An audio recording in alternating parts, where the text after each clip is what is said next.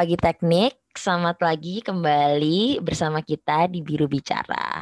Perkenalkan, gue Maura P19 sebagai MC dari uh, episode kali ini. Nah, episode kali ini kita akan bicarakan tentang apa sih? Nah, episode ini kita akan membahas tentang Coroniversary. Apa sih Coroniversary itu? Coroniversary itu adalah peringatan satu tahun Corona berada di Indonesia dan secara nggak sadar udah satu tahun nih kita hidup dalam keadaan pandemi. Pasti banyak sekali efek corona kehidupan. Banyak hobi baru atau kebiasaan baru yang secara nggak sadar tiba-tiba ada saja di hidup kita. Nah, untuk mengetahui hal ini, kita juga uh, menyebar Asbox di IG BMFTUI tentang apa aja sih hal yang bisa didapetin selama setahun ini. Nah, kita mendapatkan beberapa sampel. Ada yang jawab kalau ternyata kadang terlalu naruh pressure ke diri sendiri. Wah, emang uh, dalam masa-masa kayak gini jadi semua hal terasa banget sih. Lalu uh, ada yang bilang keterima di UI. Alhamdulillah bisa masuk FTUI. This year has been an amazing year. Aku diterima di jurusan dan kampus yang aku impikan. Nah ternyata selain buruk-buruknya, ada orang-orang yang merasa senang juga karena uh, mereka diterima di kampus impian mereka dan menggapai impian-impian lain. Nah, karena itu gue ingin bahas lebih lanjut nih tentang Coroniversary ini. Dan dengan ini uh, gue kedatangan bintang tamu-bintang tamu yang gak kalah kerennya nih. Yaitu Kak Alsa dan Bang Randi. Nah boleh banget nih dari Kak Alsa dulu perkenalkan diri nih Kak. Halo semua, nama gue Alsa. Gue dari Arsitektur 2016 dan sebenarnya udah lulus sih dari FTUI ya. Oke, jadi setelah lulus ini dan sebenarnya sebelum lulus ya aku bikin sebuah online bakery juga namanya Boja Bake House. Mungkin nanti bisa nah. dijelasin lebih lanjut lagi. Oke, nanti kita balik lagi ngobrol-ngobrol sama Kalsa. Nah, sekarang uh, narasumber kedua kita nih, Bang Randi. Boleh perkenalkan diri, Bang Randi? Uh, Oke, okay, halo. Kenalin gue Randi dari Teknik Lingkungan 2018. Di sini diundang untuk jadi salah satu pembicara nih. Halo Bang Randi, kenalin lagi. Gue Maura EPI 19 sebagai MC kali ini. Nah, pertama-tama masih berhubungan dengan pertanyaan tadi nih. Gue mau nanya ke Kalsa sama Bang Randi. Kira-kira apa sih hal yang Kalsa dan Bang Randi dapetin selama setahun ini? Yang bisa didapetin tuh bisa dibilang sebagai hal yang membekas, yang menarik, yang berkesan lah. Apa sih yang kira-kira ini dapetin? Boleh mulai dari Kak Alsa kali ya. Oke, okay. kalau gue sendiri sih bisa lebih mengerti diri sendiri sih. Karena kan hmm. selama corona kita di rumah terus, terus habis itu jadi kayak tahu gitu perasaan kita terhadap hal-hal yang sebenarnya abnormal ini kan. Terus jadi lebih belajar kayak kebiasaan baru apa yang cocok buat kita, terus habis itu kayak sikap apa yang harus kita lakukan gitu terhadap hal-hal gitu sih. Jadi lebih belajar diri sendiri. Hmm, emang ya, ternyata masa-masa pandemi gini tuh sebenarnya jadi awakening buat banyak orang karena uh, orang-orang tuh lebih fokus kepada diri sendiri gitu ya kak. Mm-hmm. Nah kalau Bang Randi gimana nih? Kira-kira ngerasain hal yang sama atau ada hal yang menarik lain nih Bang Randi? Mungkin kalau dari gue sendiri sama banget kayak Kak Alta. Jadi lebih mengenal diri sendiri. Cuman yang menurut gue paling menarik itu adalah gue bisa menemukan hobi baru gitu. Terus juga gue mulai beradaptasi lah dengan kegiatan online ini. Baik itu kepanitiaan yang gue ikutin hmm. atau pembelajaran online seperti ini sih. Hmm, iya, mungkin awal-awal tuh uh, sebenarnya kayak seperti yang Mbak Rani bilang kan sekarang udah mulai terbiasa nih, udah mulai mengalami uh, panitia kepanitiaan secara online ini, udah mulai keep up with the pace ya. Nah, kalau dari Bang Randi sendiri ada struggle nggak sih yang dialamin selama online? Kalau untuk struggle sendiri, pertama sih kalau mungkin dari akademis ya. Kalau dari akademis itu agak sulit karena semuanya kan jadi online. Jadi kalau ketika butuh informasi terutama dari dosen dan senior itu tuh jadi agak sulit jadi kan harus nunggu chat dulu nunggu dibalas hmm. dan lain-lain terus kalau untuk yang kepanitiaan online ini yang agak sulit sih menurut gue karena kan gue pribadi salah ngikutin sebuah kepanitiaan di sipil dan itu harusnya itu offline. Tapi karena harus menyesuaikan diri menjadi online kita juga harus ini dong menemukan cara gimana biar secara online kegiatan offline ini harus berjalan. Jadi kayak hmm. lebih banyak brainstorming jadinya. Hmm. jadi kayak menemukan ide-ide baru sih. Bener banget. Sebenarnya dengan cara dengan berubahnya bentuk panitiaan jadi online gini kita jatuhnya jadi bisa melihat kesempatan dalam kesempitan gitu nggak sih bang Bener jadi kayak banget. wah ternyata banyak banget ya cara-cara yang belum kita explore. Ternyata banyak banget nih kemajuan teknologi yang bisa kita manfaatkan nih, ya nggak kak? Betul banget kayak gitu. Justru malah Kalau- lebih kreatif gak sih jatuhnya? Nah iya iya. Biasanya tuh kalau dalam kita ditaruh dalam sebuah box tuh, biasanya kita malah lebih menemukan cara-cara unik gitu daripada kalau kita terlalu dibebasin. Nah kalau dari Kak Alsa sendiri, apa nih struggle yang dialamin selama online? Kan tadi Kak Alsa cerita Kak Alsa baru buka bakery dan Kak Alsa uh, lulus dalam masa pandemi ini juga kan. Dan ini benar-benar Kak Alsa adalah angkatan pertama yang lulus dalam masa pandemi kan Kak. Pasti banget. beda banget tuh sama yang lain. Gimana tuh Kak kira-kira? Hmm, struggle-nya sih pas awal-awal kan aku skripsi. Jadi aku benar-benar udah nggak ngambil mata kuliah gitu. Jadi tinggal skripsi doang. Tapi kan aku sambil ngajar. Salah satunya ngajar Maura nih. nah, jadi pas ngajar itu sih aku ngerasa susah banget jadi fasilitator. Karena kan biasanya kalau di arsitektur semuanya tuh gambar harus dilihat pakai tangan terus itu dilihat langsung gitu kan sama dosen dan hasilnya. Nah, aku ngerasa kayak kesulitan banget pas harus online karena papa harus di Google Drive terus habis itu jadinya kan mahasiswanya juga harus ngedit di Photoshop gitu-gitu. Kan padahal belum waktunya gitu loh harusnya masih manual kan. Itu susah sih. Terus sebenarnya kalau pas skripsi aku nggak terlalu banyak kesulitan karena aku skripsinya bukan yang harus ke lapangan gitu. Cuma yang bikin sedih adalah kelulusannya sih karena kayak aku udah berharap banget bisa uh, lulus offline gitu tapi kan akhirnya cuma di rumah aja dan ya udah nggak ada yang bisa dilakukan juga sih terhadap itu. Malah jadi lebih hemat karena biayanya lebih murah guys kalau lulus online. Terus abis itu juga malah lebih banyak waktu buat ngelakuin yang lain sih kalau yang aku ngerasain dari segala kegiatan online ini gitu. Hmm, nah iya sih. Kayak Kak Alsa bilang, Kak Alsa sempat ngajar juga menjadi fasilitator di studio. Dan Hmm. kebetulan Kak Alsa jadi fasilitator gue juga nih. Dan gue sebagai Iya. uh, muridnya Kak Alsa juga ngerasa wah struggle banget nih aneh banget sih studio online kan bener-bener Iya pertama banget. kali terus uh, tiba-tiba kan berubahnya di pertengahan semester ya awal pertengahan Mm-mm. semester lah jadi belum ada waktu persiapan untuk brainstorming sedangkan kuliah harus tetap berjalan mungkin yang aneh di situ juga ya Kak. Nah Kak tapi aku mau nanya kalau misalkan wisuda online gitu Ya. Kak Alsa tetap merasakan hype-nya gitu nggak sih? Atau vibes-nya "Ah, beda banget gitu, nggak ketemu temen-temen, nggak bisa foto di rektorat gitu gimana Kak? Jujur beda banget sih. Soalnya kan kalau di FT apalagi ya, kan kita selalu ngarak atau ngadain kegiatan PSB gitu kan. Sedangkan ini semuanya online, jadi kayak berasa, aduh gue sendirian banget di rumah gitu. Tapi untungnya orang tua aku mau sih diajak foto-foto, terus kayak Hmm. bahkan dress up bareng gitu untuk photoshoot di rumah doang sih. Cuma ya jadi ada kesan lah at least. Cuma yang nggak ketemu temannya itu sih yang bikin aku sedih. Nah, iya sih beda banget kan. Pastinya kan kalau wisuda kan rame-rame di Balairung, terus sekarang Iya. ya udah di depan layar aja sendiri-sendiri. Nah, terus kan itu salah satu perubahan besar ya yang dirasakan ya Kak, ya nggak sih? Mm-mm. Nah, aku mau nanya dong, dari skala 1 sampai 100, pengaruh corona mengubah diri Kak Alsa tuh seberapa besar sih? Terus coba jelasin kayak kenapa sih Kak Alsa bisa kira-kira bisa berubah sebanyak atau sedikit itu gitu. Hmm, kayaknya gue berubah 70% kali ya. Lumayan besar gak sih 70%? Wah, Karena kayak 70% besar kebiasaan kebiasaan-kebiasaan gue yang dulu tuh berubah banget sih. Karena gue termasuk ekstrovert ya. Gue menggolongkan Hmm. diri ekstrovert dan hasil 16 personalities gue juga ekstrovert. Jadi kayak aduh sedih banget gak bisa mendapatkan energi dari orang-orang yang biasanya ketemu tuh susah banget sih. Kayak harus via online tuh beda, rasanya beda gak sih? Kayak ngobrol Hmm, sama orang tapi cuma ngelihat mukanya di layar tuh kayak beda banget. Terus habis itu kebiasaan di rumah juga jadi beda banget sih. Apalagi kan aku sekarang ngurus bakery juga jadi kayak harus ngatur waktu eh, sebaik mungkin walaupun di rumah untuk masak tapi sekaligus kerja juga aku sekarang juga udah kerja jadi ya begitu jadi berubah banget sih apalagi aku Hmm. juga udah lulus jadi ya nggak bisa handle on jadwal kuliah gitu udah beda banget banyak banget ya sebenarnya perubahannya Iya. pasti. Nah, kan Kak Alsa udah lulus tuh, perubahannya kerasanya. Nah, kalau dari Bang Randi sendiri gimana nih Kak? Dari skala 1 sampai 100, sebetapa berubahnya sih Bang Randi gara-gara keadaan pandemi kayak gini?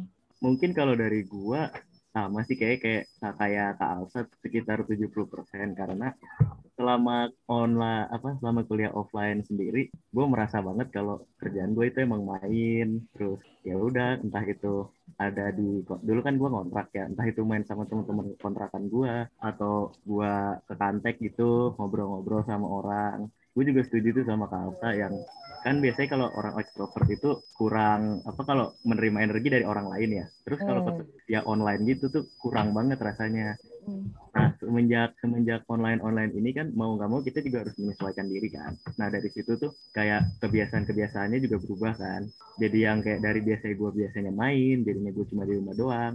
Yang alhasil membuat gue ya udah mungkin ini saatnya gue fokus ke ngurusin kepanitiaan gue dan ngurus akademis gue karena emang gue sendiri pribadi ngerasa selama berapa dua tahun belakang itu agak agak chaos juga sebenarnya akademis gue itu. Jadi kayak semenjak gue online gini gue jadi punya banyak waktu untuk belajar untuk ningkatin di akademis gue itu sih yang menurut gue perubahan paling besarnya ya. Hmm. Nah, perubahan dari besar, gue setuju banget tuh kata Bang Randi sama Kak Alsa tentang kalau misalkan kita ekstrovert, terus kita dari offline kita menerima energi dari banyak orang, terus juga online jadi nggak tetap muka sama orang, pasti sulit banget juga ya. Gue mengerti banget sih Iya sebagai ekstrovert juga. Nah, tapi gue mau nanya juga nih Kak, kira-kira perubahan terbesar juga nih yang dialami di masa pandemi. Tapi kondisi ini tuh nggak mungkin bisa didapetin gitu dalam kondisi normal, secara spesifik gitu mungkin. Nah mungkin gue bisa bacain nih contoh beberapa yang kita dapetin dari Aswox BEM FTUI. Ada yang bilang bisa kuliah di kasur. Wah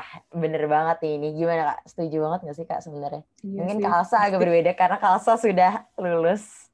Setuju banget sih gue Kalau kalau aku itu bahkan- Aku kalau aku bahkan kerja di atas kasur juga.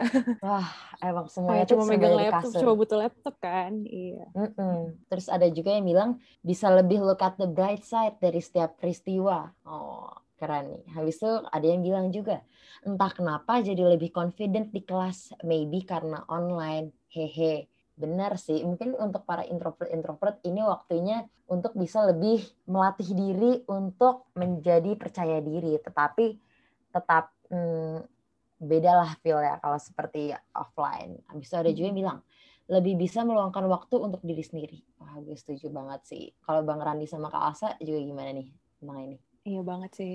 Jadi banyak waktu untuk eksplorasi apa yang kita suka gak sih kalau aku? Setuju banget, Kak.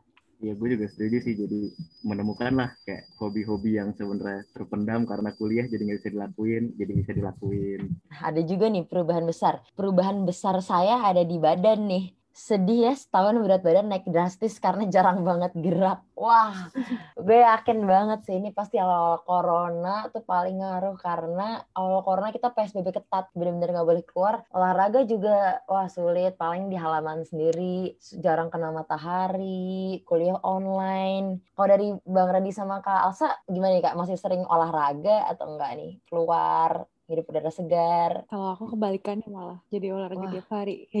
Oh, Karena dulu aku benar-benar gak sempet, terus jadinya olahraga di rumah tiap hari. Hehe. ya Kalau Randi gimana Randi? kalau dari gue ini sih lebih apa ya nggak tahu ya mungkin kalau kalau emang gue ada waktu gue olahraga cuman mungkin karena emang tugasnya banyak aja ya karena online jadi waktu olahraga tuh berkurang banget karena kan juga Hmm. biasanya kegiatan offline kan ya gue orangnya banyak gerak pasti ya secara tidak langsung lah olahraga secara tidak langsung malah jadi secara ada yang secara langsung olahraga, secara tidak langsung olahraga pas offline. Nanti juga kelasnya malah jadi ah, rajin berolahraga ya. Emang sangat beragam ya kondisi orang-orang di masa pandemi ini. Mungkin Iya, beda-beda sih. beda situasi, beda pengalaman juga pastinya. Salah satunya ada juga nih yang mau gue tanyain tentang struggle akademis selama corona. Nih apalagi mungkin gue mau tanya tentang Kak Alsa nih. Kak Alsa kan bikin skripsi dan sidang-sidang eh, selama corona kan. Iya, Gimana sih betul. struggle-nya karena dengan bentuknya yang berubah total itu? Hmm, kalau bentuknya kan jadi online full gitu ya. Hmm. Kita benar-benar talking to the camera aja gitu. Dan aku malah mel- melihat itu jadi positif karena aku bisa sambil latihan dan pas sidang itu aku bahkan baca beberapa hal gitu. Hmm. Itu malah jadi kayak bikin nggak grogi gitu sih kalau misalnya langsung kan kita kayak bener-bener tatap muka terus harus ngafalin segala hal gitu kan. Nah Mm-mm. kalau ini aku masih bisa lihat beberapa hal kayak aku tempelin di samping laptop gitu. Nah cuma yang susahnya itu adalah ngatur waktunya sih selama ngerjain skripsi.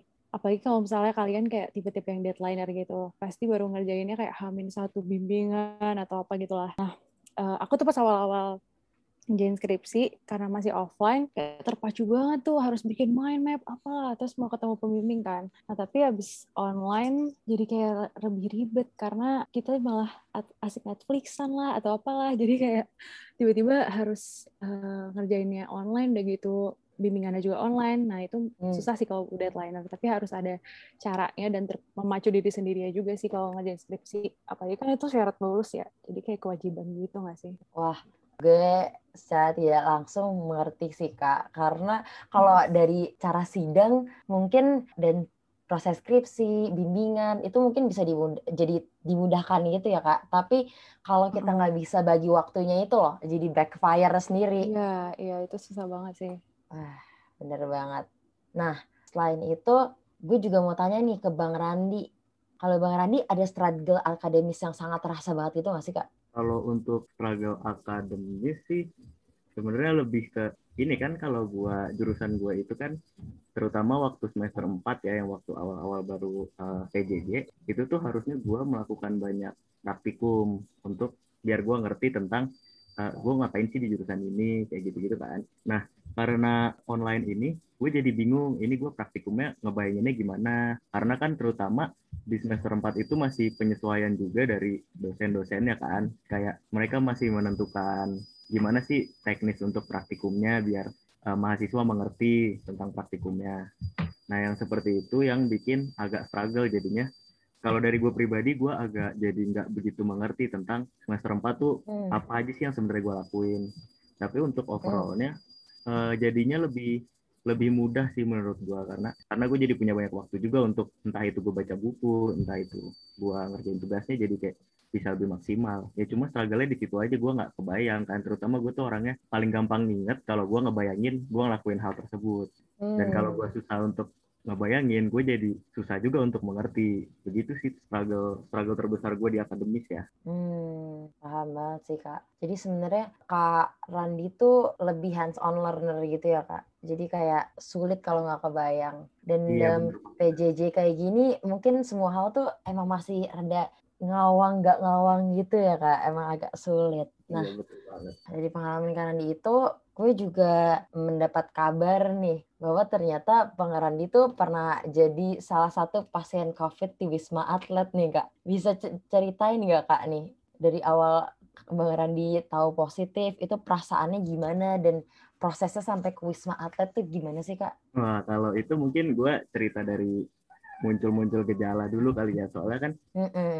waktu itu tuh gue ceritanya emang abis pergi juga kan terus hmm. waktu abis itu gue nggak pergi ke mana-mana lagi selama lima hari abis itu baru tuh muncul gejala kayak tenggorokan gue kering radang terus kepala gue pusing demam badan gue lemas awalnya gue kira gue cuman kayak meriang biasa aja kayak kayak ya udah hmm. orang masuk angin atau apa atau emang gue radang terus tiba-tiba gak beberapa hari setelah itu gue ngerasa tuh gak bisa ngerasain wah gue gue pribadi panik banget dong akhirnya gue hmm. langsung isolasi mandiri lah gue langsung di kamar terus ke mana-mana harus pakai masker di rumah padahal. Terus terus akhirnya keesokan harinya ketika gue nggak bisa ngerasain gue ke dokter diajak sama orang tua gue di situ dokternya nyaranin ketika dengar gejala-gejala gue dokternya nyaranin e, coba deh mungkin di swab dulu untuk untuk tahu hasilnya gimana. Ya dengan hmm. karena emang gue pribadi pengen tahu karena gue juga sebelumnya tuh udah apa kasarnya tewe-tewe lah sama temen-temen gue yang penyintas juga yang udah pernah kena terus sembuh.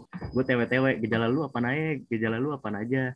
Terus dari tiga orang yang gue tewe-tewe semua gejalanya nongol di gue ya udah gue makin mau dong untuk tes. Waktu gue tes wah itu benar-benar positif dong. Wah gue di situ rada ngedown sebenarnya karena selama gue di rumah itu gue tidur sama adik-adik gue juga kan. Mm. nah gue tuh takut ke adik-adik gue kena. Ya udah akhirnya karena gue positif di situ orang tua gue oh sama om gue waktu itu ke situ juga. Jadi orang tua gue sama om gue di swab juga. Orang tua gue yang ikut itu ibu gue kan. Ibu gue itu hasilnya alhamdulillah negatif. Dan ketika om gue tuh positif juga akhirnya sama dokternya gue minta tolong di uh, dirujuk ke puskesmas. Udah tuh waktu Hmm. Habis itu kita isolasi mandiri dulu untuk nunggu kabar dari puskesmas. Dihubunginlah kita dari puskesmas. Pak, eh, benar tidak kalau Bapak habis tes di sini hasilnya begini? Oh iya benar, benar sus gitu kan. Terus ya sudah eh, Bapak eh, mungkin hari sekian tanggal sekian jam sekian bisa datang ke puskesmas ini untuk ngelakuin ngelakuin apa swab PCR. Ya udah tuh akhirnya gue sama om gue kita berdua Hmm. di PCR. Hmm. Lalu sekitar tiga hari empat hari kemudian hasilnya keluar sama orang kecamatannya kita disaranin untuk uh, ke wisma ke wisma atlet. Ya udah tuh dari situ Hmm. pertimbangan gue untuk ke wisma atlet adalah gue nggak mau merepotkan orang-orang rumah pertama. Karena kan untuk lu peralatan makan terutama ya kan pasti cucinya harus pisah-pisah kan. Nggak mungkin disatuin dong. Nah itu itu yang agak susah. Terus juga akhirnya uh, karena gue juga pengen nggak pengen uh, orang tua gue kenapa-napa ya udah gue menerima untuk dirujuk ke wisma atlet. Waktu Hmm. itu gue langsung dikabarin setelah satu hari setelah hasil dari hasil PCR keluar dikabarin untuk ke puskesmas untuk bareng-bareng ke wisma atlet. Nah waktu gue ke puskesmas bilangnya tuh naik ambulans. Waktu gue dateng kita dibawanya pakai bis sekolah. Gue kaget dong kok tiba-tiba bis sekolah bener-bener literally tulisan bis sekolah yang kuning yang gede tuh. Ya udah dah gue gue cuma bisa ketawa doang ngeliat itu sama om gue akhirnya kita naik dan itu tuh di bus itu satu bus itu ada satu keluarga lima orang ada kakak adik dua orang ada oh ada ada keluarga lagi lima orang lagi dan ada ada kayak ya seumuran pekerja swasta gitu dia. Dia juga kena sendirian terus juga di situ ternyata eh, agak agak ini juga sih gua ngeliatnya agak agak iba juga karena ada anak anak bayi bener-bener anak bayi masih sekitar tiga bulan dia udah kena di situ Oh. jadi keluarganya tuh nganterin juga ngikutin di sekolahnya dari puskesmas ke rumah sakit, eh ke wisma atletnya. Di situ karena eh, di sana ibunya ternyata juga udah kena, jadi sekalian dianterin. Ya udah tuh kita akhirnya naik di sekolah ke sono, kita nyampe registrasi, registrasi ya udahlah administrasi gimana gimana. Terus eh, om gua kan rada banyak pikiran juga ya ya udah gue tenangin om gue katanya tenang aja kita anggap aja kita lagi staycation lah terus ternyata bener waktu nyampe kamarnya Buset, bener-bener kayak di hotel. Kamar ada dua, ada ruang tamu, ada kamar mandi, ada tempat nyuci. Wah, terus kamar mandinya, nih mohon maaf ya nih, rumah saya tidak pakai water heater, nih Wisma Atlet pakai. Aduh, enak banget, enak banget ke dalam hati kan. Terus ya udah di situ, di situ sebenarnya nggak menyeramkan, bener-bener nggak menyeramkan. Di situ tuh emang tempatnya bahkan lebih enak dari gue di rumah, kayak bener-bener gue staycation, gila. Di situ dikasih makan, kita dikasih eh, obat-obatan, vitamin, ada terapi-terapi juga, terus cek darah, cek ronsen, cek jantung dan lain-lain, semuanya dicek kita untuk mengetahui kondisi kita. Karena sebelumnya juga dari dokternya juga udah apa ya ibarat kata udah kita udah dicek sama dokter, ditanya keluhan-keluhannya apa, terus abis itu baru kita dikasih obat. Nah makanya di situ kayak eh, bahkan perawat-perawatnya bilang, Pak, Bu, Mas, kalau misalkan ada keluhan, tolong ini ke lantai ke apa ke ruang suster aja langsung kabarin. Oh ya sudah. Dan selama di sana itu, yang gua nggak ngerasain itu cuma nggak bisa nyium sama eh, nggak bisa merasain sih gua. Di Hmm. situ jadi benar-benar udah nggak ada gejala-gejala berat lagi, alhamdulillah. Cuma gejala-gejala itu.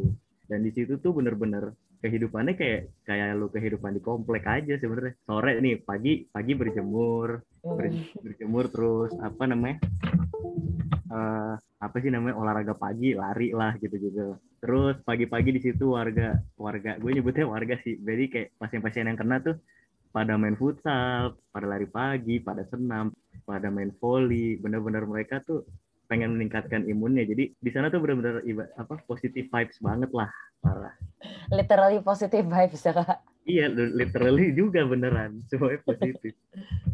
Terus ya udah di situ kita apa kalau gua pribadi di situ selama 8 hari dan itu udah mulai masuk kuliah juga tuh. Kan mau nggak mau juga gua ini ya apa namanya harus ngatur waktu tidur nggak nggak nggak tidur jam satu lah kayak biasanya sambil nugas sampai jam satu jam 2 jam 3 jadinya harus dicepet-cepetin lah jadi di situ juga gue bisa jadi lebih fokus untuk kuliah sih ngerjain tugas dan lain-lain Hmm. Cuman yang lucunya itu waktu gue pertama ke sana, gue kira nih, gue malam-malam kan turun nih dari gue tuh di kamarnya di lantai 22. Gue turun untuk ngambil makanan. Waktu gue turun di taman orang-orang main futsal, itu banyak banget orang ngerokok. Gue bingung kan nih orang pada kena covid kok pada ngerokok. Bener-bener dah. Nggak habis pikir gue udahlah gue akhirnya cabut aja lah. Cuma ngeliat gitu doang ya udah terus akhirnya gue ke kamar lagi akhirnya. Terus juga waktu gue pulang sebenarnya ini sih waktu gue pulang dari wisma atlet itu masih keadaannya positif. Cuman kata dokternya itu ya udah mungkin uh, bapak bisa isolasi mandiri tujuh hari habis itu bapak bisa tes. Ya udah waktu nyampe rumah gue isolasi tujuh hari. Habis itu gue langsung tes. Waktu tes alhamdulillah udah negatif. Gitu sih. Hmm, wah menarik banget ceritanya. Tapi yang pertama kali gue inget nih dari cerita lo nih kak. Eh, jadi di wisma atlet orang-orang tuh tetap ngerokok gitu kak walaupun positif corona nih keadaannya. Iya itu tuh bener-bener sampai sampai perawatnya tuh ngecekin ke setiap kamar. Kamar gue tuh kena karena kan kamar gue nggak ada yang rokok. Tapi diketok hmm. sama perawatnya. E, misi pak, di sini ada yang ngerokok nggak pak? Oh nggak ada. Emang kenapa pak? Jadi di sini aturannya nggak boleh ngerokok ya pak. Tapi saya nyium di sini ada bau rokok. Coba aja mas cek.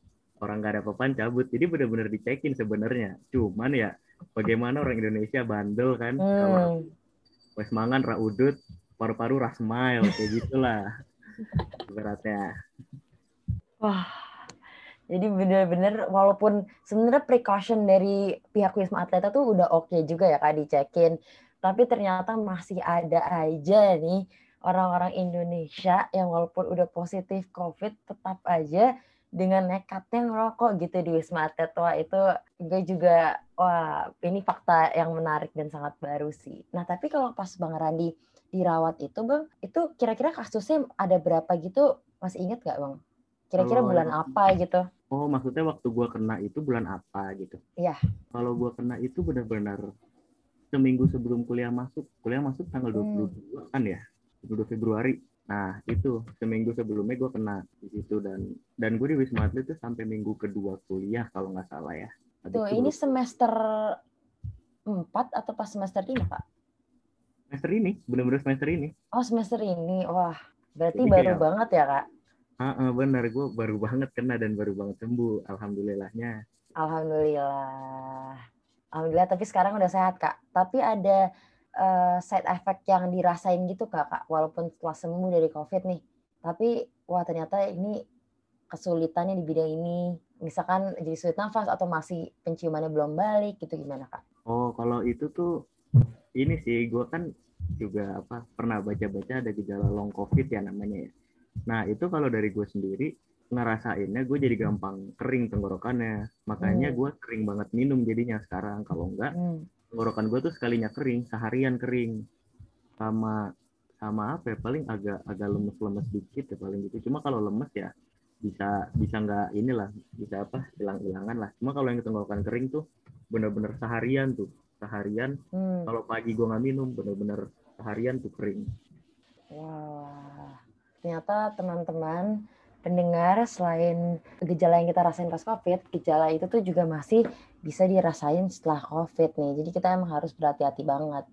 Dan uh, kalau boleh tanya, kalau di Wisma Atlet itu dipungut biaya nggak sih kak? Uh, kalau di Wisma Atlet itu benar-benar gratis. Jadi kita cukup dari oh dari puskesmas itu dia minta uh, foto BPJS kita. Jadi semua apa namanya semua biaya yang kita yang dibutuhin untuk kesembuhan kita itu semuanya di dari BPJS. Jadi hmm. bisa minta lah mungkin lah ya kalau gua nangkapnya. Oh lah, nah jadi buat teman-teman yang merasa takut COVID karena biayanya besar atau takut tes, takut tes karena takut ketahuan positif terus diasingkan tuh gak usah takut nggak sih kak Bang Randi? Karena pasti akan dapat perlakuan terbaik juga kayak di Wisma Atlet itu udah uh, perlakuannya sangat uh, seperti kayak di hotel bintang 5 lah kalau kata Bang Randi kayak lagi staycation dan gratis juga. Jadi untuk teman-teman yang merasa yang tetap stay safe walaupun tetap stay safe ada merasa gejala jangan takut lah pokoknya. Gimana Bang? Bener nggak Bang?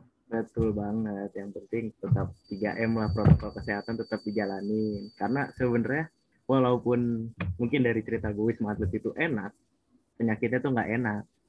Terutama kan itu kan nggak cuma dari lu doang lu bisa nularin ke orang-orang lain terutama orang-orang rumah. Karena waktu gue di swab di di puskesmas itu satu keluarga gue langsung di swab semua.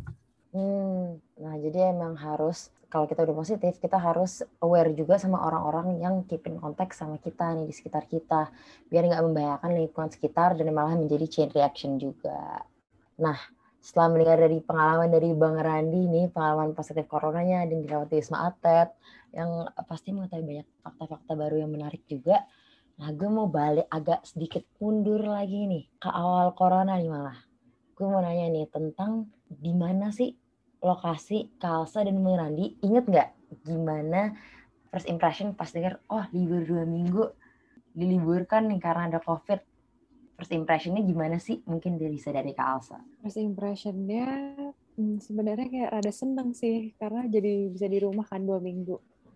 Tapi yang uh, apa ya rada kaget juga soalnya ternyata adjustment yang harus dilakukan di rumah tuh lumayan banyak. Kayak yang tadi aku udah ceritakan tentang soal ngajar dan ngerjain skripsi segala macam.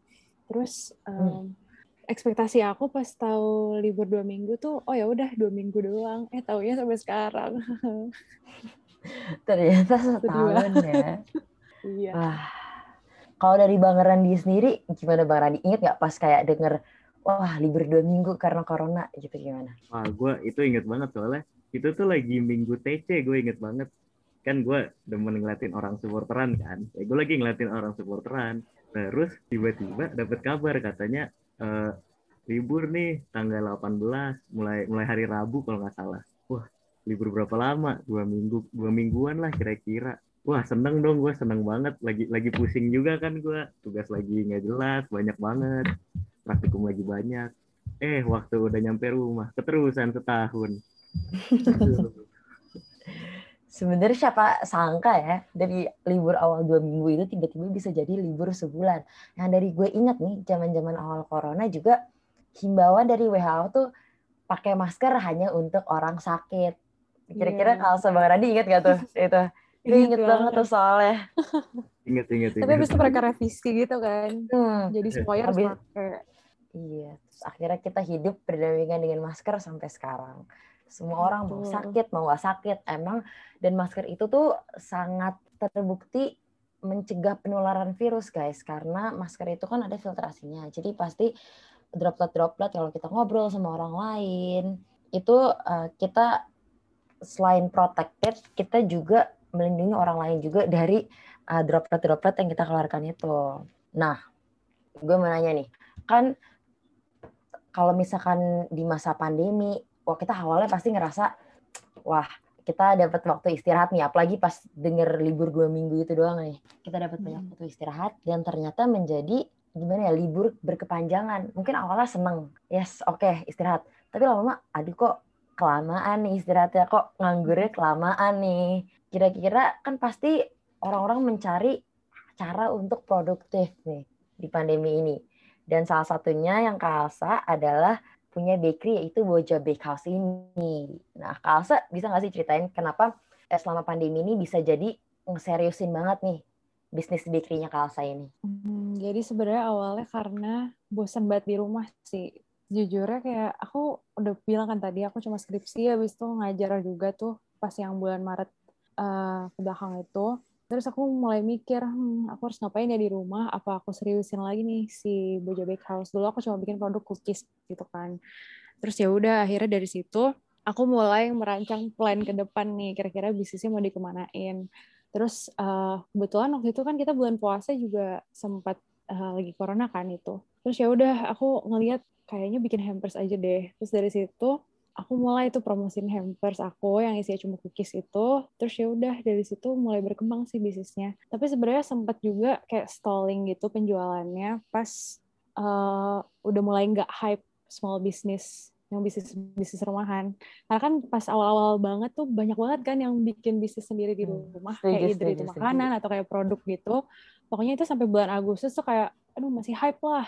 Tiba-tiba ada hmm. strap masker lah apalagi banyak banget orang kreatif gitu gak sih? Setuju setuju. Nah aku tuh ngerasa kayak pas bulan September itu udah mulai menurun penjualannya. Akhirnya aku coba bikin inovasi baru lagi kayak produk baru lagi. Terus akhirnya sampai sekarang selalu ada yang beli sih. Kayak setiap hari aku selalu ngerjain organ gitu. Wah. Alhamdulillah. Ini produktif banget ya Kak Alsa. Emang kalau di masa pandemi gini kita cari cara buat menyibukkan diri tapi yang bermanfaat. Dan salah satunya Kalsa caranya adalah untuk fokusin Boja Bakehouse ini sampai Iya, ya betul. lumayan stabil lah ya kak. Yang orderan selalu Lumayan ada setiap harinya. Mm-mm. dan dari Boja Bakehouse ini ada struggle tersendirinya gitu nggak sih kak menjalani bisnis? Apalagi tadi kak Elsa bilang nih sempat ada search of uh, small businesses kan di masa awal-awal pandemi sampai ya awal pandemi lah ya ada ngerasa Iya. kesulitannya gitu nggak sih kak Hmm, struggle kalau dalam kesulitan sih setelah eh, udah nggak hype itu sih Maura. Jadi pas udah Hmm. orang-orang kayak, aduh bosen, gue nggak mau ngasih-ngasih hadiah ke teman lagi. Ingat gak sih kayak zaman-zaman Hmm, kita kirim-kirim barang gitu ke teman kita. iya Eh, kayaknya orang-orang udah kantongnya juga sudah menipis ya. Jadi udah pada nggak beli-beli tuh pas itu bulan Agustus September. Jadi ya udah akhirnya aku berinovasi buat bikin produk baru itu kan namanya lunchbox cake. Jadi kayak kue-kue yang bisa dihias Hmm. gitu kecil. Nah, eh, tapi sebenarnya struggle yang aku rasain sampai sekarang itu adalah managing time sih tetap. Hmm, Karena aku tuh udah kerja juga kan. Jadi kayak semua aspek dari Boja ini masih kayak aku yang handle sendiri. Jadi kayak one woman show gitu. Aku benar-benar kayak Hmm. masak, terus trial and error resep, habis itu balesin chat customer, mesenin ojek TK, terus habis itu kayak ngatur publikasi di IG gitu-gitulah. Pokoknya kayak semua aspeknya tuh masih aku yang ngerjain. Jadi Hmm. kayak aku masih struggling di situ sih dan kayak karena kondisi masih pandemi jadi aku belum mau hiring orang gitu. Gitu sih. Hmm, jadi emang terjadi penurunannya juga struggle sih. tuh ternyata tentang terjadi penurunan apalagi Kalsa nih hebat banget nih menjalankan bisnis Boja Kalsa ini juga mengerti banget nih perasaan Kalsa karena gue salah satu small business owner juga dan gue bener-bener sendiri juga ngurus semuanya dari packaging gue sendiri gue desain sendiri desain Iya. Gojek orang-orang sendiri apalagi di uh, masa pandemi pertengahan gitu mbak gue pulang kampung. Jadi bener-bener nggak ada yang bantuin sama sekali nggak ada yang Oh, bantuin banget nyuciin Jadi gue bener-bener nyuci Aduh, sendiri. nyuci tuh males Eh, banget gak males. Banget Oh, Parah itu capek banget. capek banget kak apalagi kalau masak eh, kayak kak Alsa kan bakery ya pasti cuciannya banyak Mm. gitu nggak sih kak Banyak banget sih. karena kan aduh males banget sih jujur tuh malesnya di situ tapi sebagai small business owner yang menunjang perekonomian di Indonesia juga tuh apalagi untuk mendapat penghasilan tambahan itu sangat membantu keadaan sih ya pokoknya selain produktif dan benefitnya banyak juga untuk kita Iya benar. Nah, setelah merasakan corona selama setahun ini nih, keadaan pandemi yang bisa dibilang udah jadi benar-benar new normal kita, ya udah bukan sebutan ece-ece lagi, tapi benar-benar ini adalah new normal kita. Kenyataan. Kenyataan. Sebenarnya kan tentu masih ada harapan banyak kan untuk kita nih, untuk balik ke masa ke masa-masa sebelum pandemi, kehidupan offline, masih banyak harapan itu kan. Nah, terus kon- kondisi pandemi Indonesia tuh bukannya semakin membaik, tuh malah semakin memburuk. Nah, kira-kira dari Kalsa sama Bang Randi sendiri ada harapan nggak sih untuk membaik kondisi ini? Uh, kalau mungkin dari gue ini sih pengen banget kondisi ini cepat kembali ke normal seperti biasanya karena jujur gue kangen banget pengen ke FT pengen kegiatan-kegiatan teknik pengen kuliah offline dan lain-lain karena selama online ini juga capek lah di rumah mulu mungkin kalau dari Kak Alsa kayak gimana tuh Kak? Kalau aku ya pengen juga sih balik ke awal kayak offline world gitu. Cuma sekarang aku udah comfortable juga dengan online eh, Hmm. online working dan habis itu aku juga sibuk di rumah dengan bakery-nya kan. Jadi kayak udah ada habit sendiri yang terbangun dari pandemi ini. Jadi kalau misalnya kembali ke offline, aku harus adjust diri aku lagi kan. Jadi masih dilema sih di situ. nggak kebayang sih. Nanti shifting kehidupan kita ini kalau benar-benar udah balik ke offline seperti biasa lagi. Misalkan ke Alsa kerja berangkat kerja terus pulang dari kerja terus masak lagi ini lagi ini lagi. Ah susah Aduh, banget kan pasti gara-gara nggak di rumah. Bang Randi juga mungkin dari belajarnya di tempat tidur kayak gue nih misalkan. Yang jangan dicontoh ya teman-teman tapi belajar kuliah di tempat tidur Eh, nanti tiba-tiba harus bangun jam 8 lagi dan harus udah bersih, siap dan masuk ke kelas. Itu pasti habit-habit yang akan sulit sangat sulit diubah. Nah, gue juga membaca ini beberapa harapan warga teknik dari Sbox BMFTUI. Harapan terbesar mengenai kondisi pandemi di Indonesia. Pada bilang semoga cepat offline, cepat kelar, cepat selesai. Mau offline tolong, Juli offline. Amin. Cepat selesai biar bisa ketemu si dia. Amin. Pokoknya uh, gue amanin semua karena itu pasti menjadi harapan kita semua. Nah, mungkin uh, untuk bahasan kita tentang Coroniversary sampai sini saja. Mungkin gue mau uh, dapat kata-kata terakhir nih mungkin dari Bang Randi dulu kali ya. Bang Randi mungkin ada kesan pesan uh, yang ingin disampaikan, mungkin tips-tips menjalani hidup di Wisma Atlet, tips-tips dengan kondisi uh, pernah terjangkit virus corona atau kuliah online gimana tuh kak? Boleh banget. Mungkin kalau dari gua kesan apa pesan gua itu walaupun emang udah ada fasilitas dari pemerintah untuk penanganan dari COVID ini sendiri, kalian juga jangan lengah karena benar-benar ini bahkan lu lu tuh nggak bakal tahu kapan lu kena. Dan tiba-tiba lu udah muncul gejala-gejala aja. Di situ karena yang repot nggak cuma lu. Karena di situ keluarga lu juga pasti mikirin lu. Belum lagi uh, teman-teman lu. Apalagi nanti lu juga kepikiran. Terutama kalau lu masih dalam perkuliahan nih. Ini gue kuliah gimana? Tugas gue gimana ngerjainnya? Tugas gue banyak waktu gue untuk ini harus banyak istirahat. Jadinya nanti lu bakal keteteran sendiri. Dan saran gue bener-bener terapin namanya protokol 3M itu. Dan bener-bener itu masker itu penting banget sih. Kalian tuh walaupun lu ketemu sama sohib lu yang teman entah itu teman kontrakan lu teman kuliah lu dan teman dekat teman-teman dekat lu tetap harus dipakai menurut gua. Karena itu benar-benar penting untuk mencegah persebaran dari virus ini.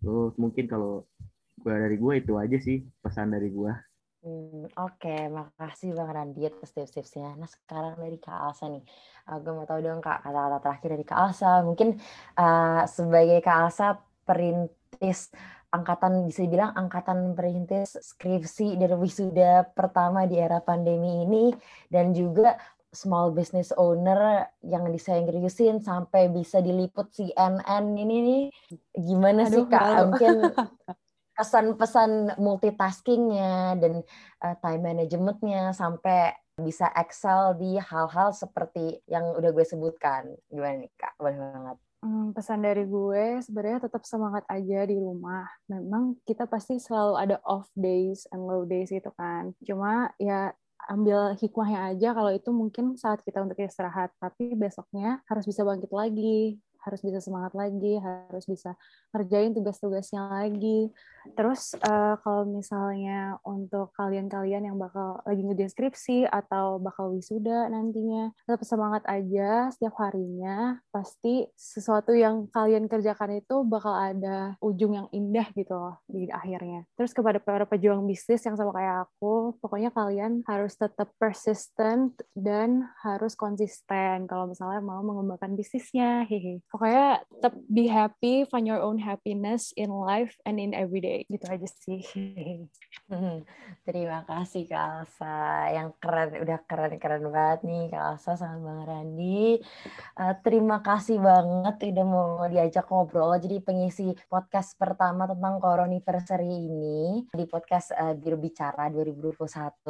Maaf banget juga uh, udah diambil waktunya nih. Makasih banget. Halo, halo. udah berbagi pengalaman juga yang semoga kalau yang denger ini dapat banyak insight-insight baru yang bermanfaat. Nah, hmm. dengan ini uh, mungkin kita akhiri aja podcastnya untuk teman-teman pendengar di luar sana. Jangan lupa untuk menerapkan 3M. Lalu untuk yang merasakan gejala-gejala, tolong jangan sungkan untuk langsung tes dan uh, notify orang-orang yang bersentuhan dengan Anda di luar sana dan tetap menjaga jarak, uh, social distancing juga dan juga dengan teman-teman di luar sana, uh, perintis small business owner dan kuliah mungkin lagi berjuang di akademis, di skripsi, atau mungkin kerjaan, atau mendingan sudah kerja, atau berjuang masuk kuliah tetap semangat karena pasti apa pun yang terjadi di pandemi ini semua ada hikmahnya dan semoga kurva penyidap COVID-19 di Indonesia terus menurun sampai tidak ada, uh, sampai nol dan kita akan kembali ke masa-masa offline seperti biasa. Nah, dengan ini gue Maura PI19 selaku MC dari podcast eh, pertama di Biru Bicara tahun ini pamit undur diri. Dan dari podcast Coroniversary, selamat ulang tahun Corona, semoga tidak panjang umur. Sekian, terima kasih. Sampai jumpa semua di episode selanjutnya. Sampai jumpa. Sampai jumpa. Sampai jumpa. Música